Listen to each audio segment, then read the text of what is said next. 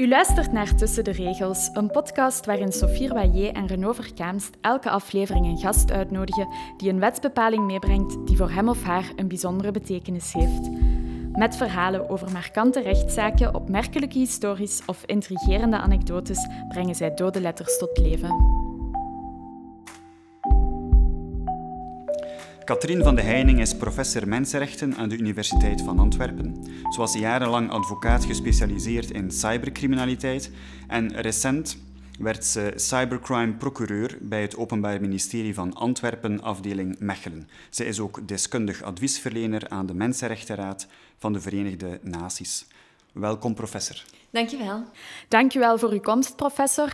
Welk artikel hebt u voor ons meegebracht? Ik heb voor jullie artikel 371 van het strafwetboek meegenomen. En zou u dat eens willen voorlezen? Natuurlijk.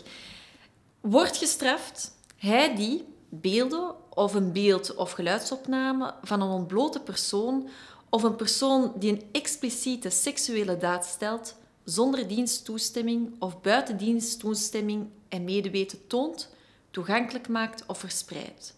Ook al heeft die persoon ingestemd met het maken ervan. Dat klinkt nogal abstract. Zou u ons misschien kunnen vertellen wat de wetgever hier precies heeft willen bestraffen? Ja, de wetgever heeft er willen bestraffen dat personen beelden gaan verspreiden van iemand die intiem zijn, omdat ze naakt zijn of dat je daar seksuele activiteiten in tentoonstelt. En dat je die gaat verspreiden zonder de toestemming van de persoon die erop te zien is.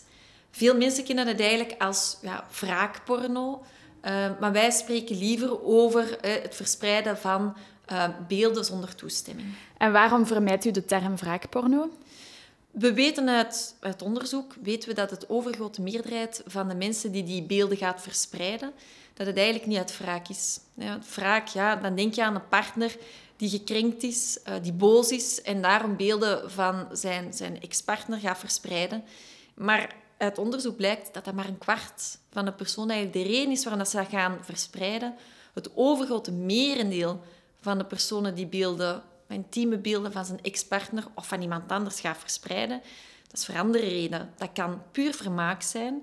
Dat kan zijn om iemand ja, te pesten. Dat kan ook zijn om meer politieke redenen. En dat kan ook zijn om economische redenen. En dat is zeer recent ingevoerd, dit artikel.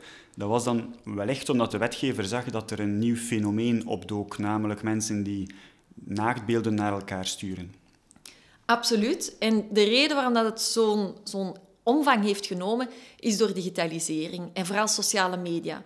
Door sociale media gaan we veel meer met elkaar communiceren en wat we vroeger misschien sms'jes of berichtjes in woord deden, doen we dat nu veel meer met beelden. Hè. Denk maar aan Instagram of TikTok. We zijn een heel visuele cultuur geworden en waar we heel veel delen. En dus ook een deel van onze seksuele beleving is online geworden. Dus de wetgever heeft ervoor gekozen om uiteraard sexting niet te gaan verbieden. Dat is gewoon een nieuwe vorm van onze seksuele ontwikkeling en hoe dat we seksueel ons gaan uiten. En ja, dat is, dat is waarschijnlijk een blijver voor de toekomst. Maar wat ze willen bestraffen, is dat mensen daar misbruik van gaan maken.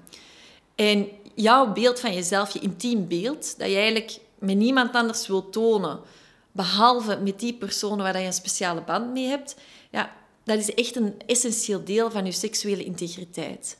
En als je dat gaat doorbreken door dat publiek te stellen, ja, dan ga je zoiets intiem van een persoon kraken, um, dat dat ook strafbaar gesteld moet worden.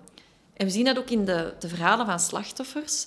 In onderzoek daarnaar merken we dat eigenlijk de schade dat die personen ondervinden, psychologisch, maar ook familiaal, ook professioneel, vaak gelijklopend is aan een fysieke aanranding. En dat die vaak dezelfde schade ondervinden, psychisch, emotioneel, en als ze echt fysiek worden aangerand of verkracht. Ja, en als je dat natuurlijk merkt, dan weet je als wetgever dat je moet ingrijpen, zeker omdat dat fenomeen aan het exploderen is en dat er nu tienduizenden vrouwen daar eigenlijk door getroffen worden. uh, jongere generaties die groeien nu op met de smartphone in de hand, bij wijze van spreken. Zijn zij dan ook vaker dader en slachtoffer van dit misdrijf? Is er zo'n specifiek dader- of slachtofferprofiel? Er zijn zeker bepaalde kenmerken die we uh, vandaag zien bij de daders en de slachtoffers. Dus bij de slachtoffers weten we dat ongeveer 90% van de slachtoffers vrouwen zijn.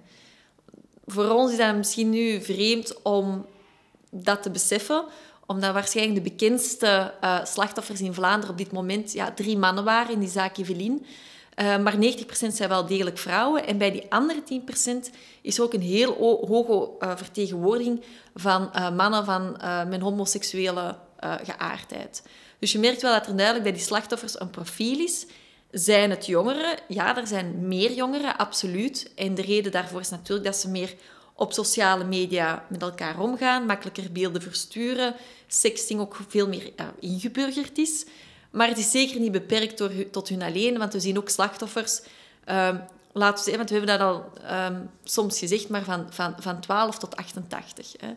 Uh, ik zeg nu 88, want ik een slachtoffer ken dat 88 was. Um, maar je ziet wel dat dat heel breed is en dat het ook vooral heel jong begint. Bij de daders is het veel moeilijker om een profiel uh, te zien. Het overgrote merendeel van de daders zijn mannen. U sprak over de zaak uh, Evelien. Dat is eigenlijk de zaak waarbij een aantal bekende Vlamingen in het nieuws kwamen naar aanleiding van het uh, doorsturen van naaktbeelden en het vervolgens ja, misbruiker van, van die beelden, als ik het zo mag, mag noemen. Is dat de reden waarom u deze um, wetsbepaling hebt gekozen?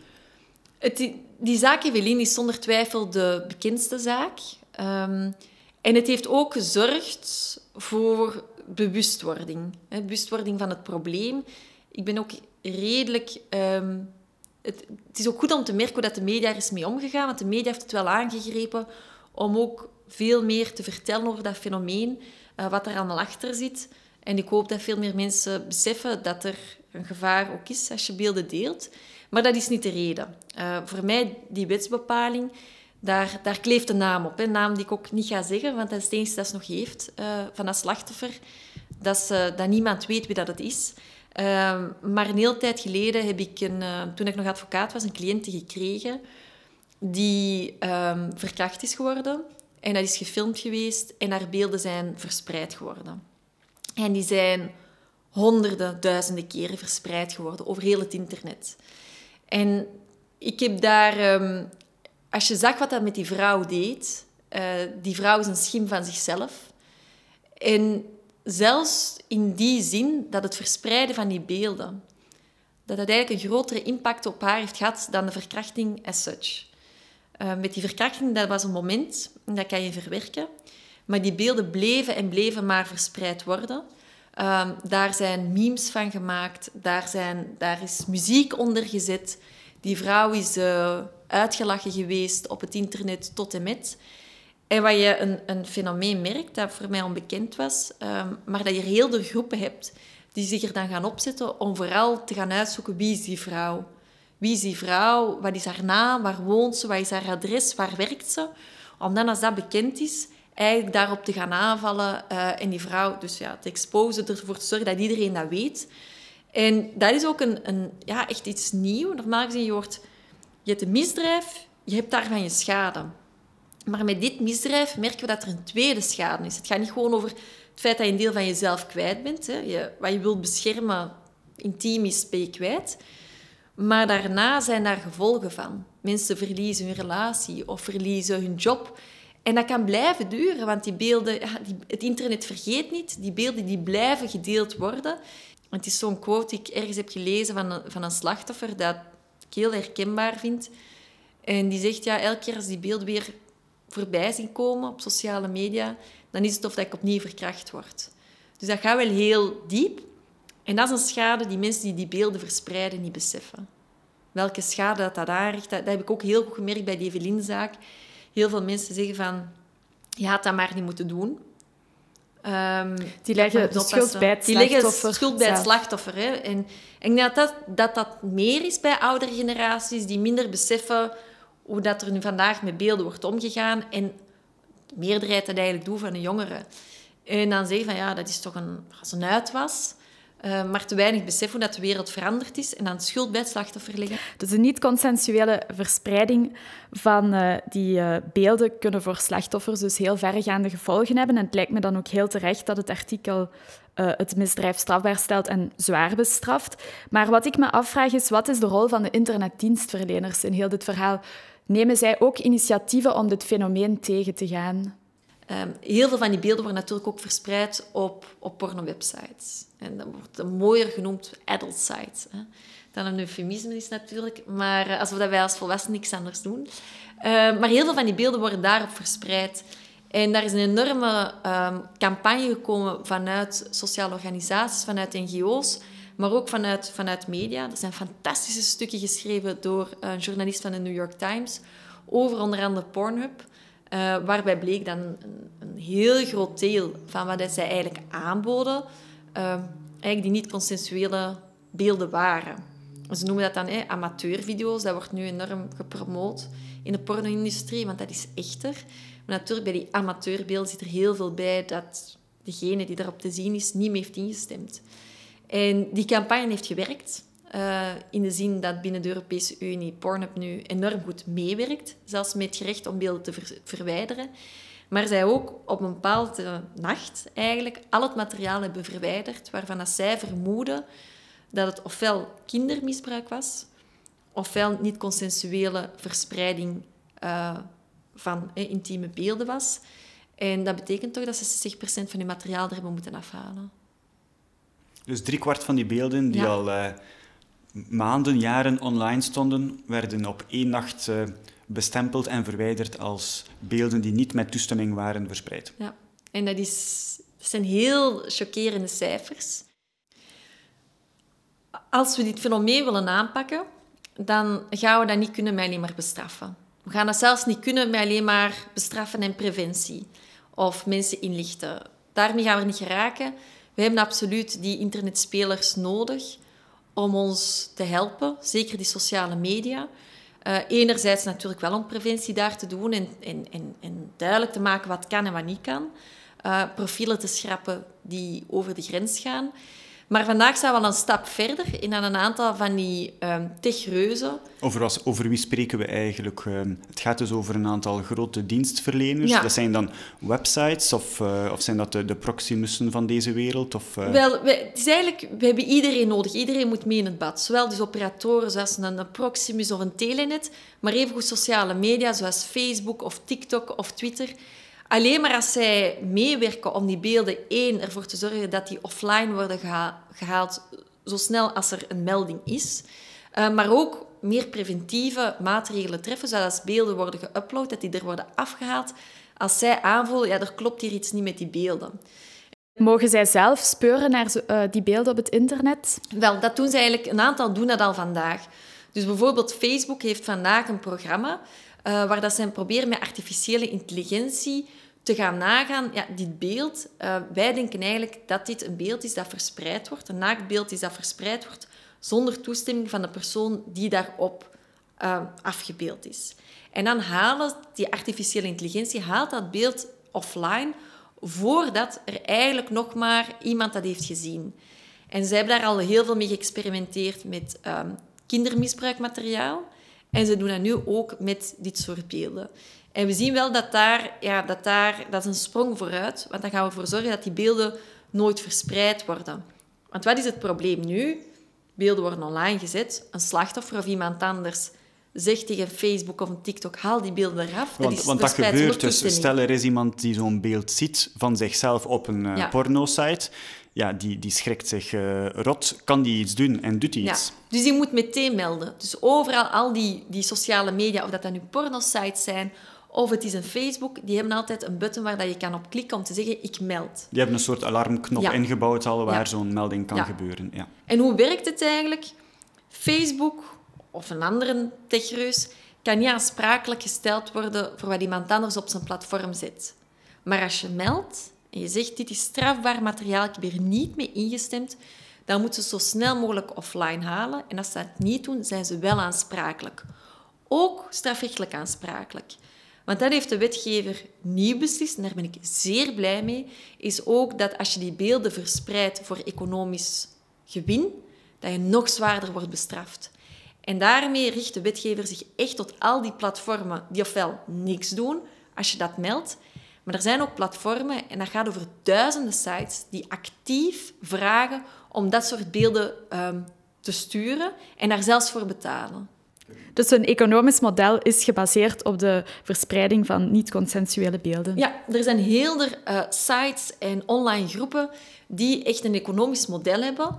En die willen zoveel mogelijk van die beelden, omdat ze dan weten dat er eigenlijk heel veel mensen daarnaar gaan kijken. En ofwel doen ze achter een paywall, dan moet je betalen om die beelden te kunnen zien. Um, ofwel doen ze dat eigenlijk met reclame. En gek genoeg trekt dat best wel veel adverteerders aan. Waarom? Omdat die goede cijfers hebben. Er komen heel veel mensen naar die beelden kijken. En dan ja, kunnen ze adverteerders aantrekken. En je hebt dus echt een model, een economisch model van een hoop sites die zegt, stuur ons dat soort beelden. Wij beloven ook als u beelden gaat zien dat dat allemaal niet consensueel is. Um, en daar zitten dus ook beelden bij van verkrachtingen. Hè. Die, die websites, daar, daar, daar rukt je hart eruit. Uh, dat is heel pijnlijk om te zien wat daar gebeurt. Uh, en het zit ook aan om nieuwe beelden te maken. Want sommige van die groepen zeggen ook, ja, je krijgt alleen maar beelden als je er zelf bezorgt. Waardoor dat ook mensen die passief gingen kijken, worden aangezet om actief beelden van hun partner of van een ex-partner te gaan uploaden. En zo krijg je natuurlijk een explosie aan beelden. En een soort primitieve ruilhandel in uh, niet-consensuele uh, naakbeelden. Absoluut, een primitieve, een zeer primitieve ruilhandel in dat soort beelden. En zij houden mee um, dat leed in stand. Zij zorgen ervoor dat dat leed vergroot wordt. Um, en ook degenen die, die slechte bedoelingen hebben, die weten ook waar dat ze daar financieel ook iets uit kunnen halen. Want wat je ook ziet, dat sommige die beelden er dan gaan gaan afhalen en daarna slachtoffer gaan afpersen. Uh, waardoor dat slachtoffer niet alleen ja, slachtoffer is van het feit dat er beelden verspreid worden, maar dat ze daarna ook nog eens afgeperst wordt dat die beelden niet verder worden verspreid. U bent uh, procureur in Mechelen. U zit daar op een kantoor, maar de hele wijde online wereld uh, staat daar open.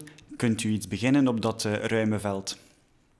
Ik denk dat we eigenlijk in België voor dit heel goed zijn uitgerust. In de zin dat wij een van de meest verregaande, als niet het meest verregaande artikel hebben om die te bestraffen in heel de wereld. En je merkt ook dat wij eigenlijk heel veel vragen daarover krijgen van andere landen, van andere experten, um, hoe dat we hier eigenlijk mee bezig zijn. Bijvoorbeeld in Ierland zijn ze nu aan het denken om ook die te gaan bestraffen. En ze kijken bijvoorbeeld naar het Belgisch model. En wij zijn best wel ver gegaan in de zin van dat we ons niet hebben beperkt tot degene die een beeld gaat verspreiden, maar ook dus kijken naar, die, ja, naar, de, naar de internetplatformen die dat verder mogelijk maken. En dat maakt ons echt wel redelijk uniek en dat geeft ons natuurlijk de mogelijkheid om op te treden. En in heel veel landen ga je zelfs niet kunnen optreden, omdat er geen wet is die dit bestraft. Of de wet zo is gemaakt dat het heel moeilijk is om het te gaan bestraffen. Bijvoorbeeld wat er heel goed is aan hoe dat wij het hebben um, omschreven, is dat laatste deeltje. Daar staat bij van... Het is ook strafbaar als de persoon die erop te zien is, heeft ingestemd met het maken van die beelden, de typische sexting. En in heel veel landen staat dat er niet in, waardoor het slachtoffer ook nog eens gaat moeten wijzen, maar ik was het daar niet mee eens. Dus een, er is een dubbele toestemmingsvereiste eigenlijk. Het maken van de beelden en vervolgens Voor het, het verspreiden. En degene die het verspreidt, moet aantonen dat hij de toestemming had om het te verspreiden, of minstens aannemelijk maken dat hij de toestemming had om het te verspreiden. En dan neemt die drempel weg voor dat slachtoffer. We hebben dus al een stevig goed uitgebouwde wettelijke basis, maar als u zelf wetgever zou zijn, is er nog marge voor verbetering. Wat zou u nog aanpassen aan het artikel? Wel, ik denk eerlijk gezegd op dit moment dat het strafrechtelijk artikel um, goed is zoals het is. Waar dat we nog wel in kunnen, in kunnen winnen, is absoluut de bekendheid van het artikel. En want je merkt bij um, nog steeds te veel bij, bij politie of bij slachtoffers of bij scholen. Dat ze eigenlijk te weinig weten wat het fenomeen is, hoe dat ze het moeten aanpakken, wat ze daarmee moeten doen. Um, dus ik denk dat dat een eerste element is waar dat we nog kunnen verbeteren. Een tweede is ja, de, de, wat een slachtoffer moet doen. Um, het Instituut voor de Gelijkheid van Vrouwen en Mannen voor meerderjarigen en Child Focus voor minderjarigen speelt daar eigenlijk een belangrijke rol in, omdat die die directe lijn hebben met die met die sociale media en die techbedrijven, waardoor zij ook sneller beelden kunnen laten verwijderen. En ik denk dat de volgende stap voor ons is echt gaan nadenken um, hoe dat we kunnen komen tot een visie, wie dat we allemaal echt de focus op gaan leggen in die bestraffing. Want hè, laten we het terug hebben over die Evelien-zaak. Ja, daar zijn er duizenden mensen, tienduizenden mensen die die beelden verspreid hebben. We kunnen ze niet allemaal gaan vervolgen. Dat is ook niet wenselijk. Hoe gaan we dat dan aanpakken? Op een manier dat het ook niet leidt tot verwijt dat arbitrair zijn of ons maar focussen op bepaalde personen. Waar moeten we echt die focus gaan leggen? Ik denk dat we dat beleid gaan moeten uitbouwen. Het is niet eenvoudig, professor Van de Heining, om een, uh, om een resume te maken van dit boeiende en interessante gesprek. Ik heb vooral onthouden dat België eigenlijk wel een voorvechter is en een zeer modern artikel heeft in het strafwetboek om dit fenomeen, dat toch wel ernstige slachtoffers maakt, te bestrijden. En ik heb ook begrepen dat u daar zelf in verschillende hoedanigheden toch wel uw, uh, uw rug voor recht en de strijd mee aanbindt. Dus de online criminelen, ja, die zijn wel degelijk gewaarschuwd. Er is iemand uh, die ja, op jacht is, is misschien een beetje overdreven, maar die toch wel uh, eraan werkt. Dank u wel om langs te komen, professor Van de Heiding. Dank je wel voor het gesprek. Deze podcast kwam tot stand met dank aan advocatenkantoor Livorno en het Center for IT en IP van de KU Leuven.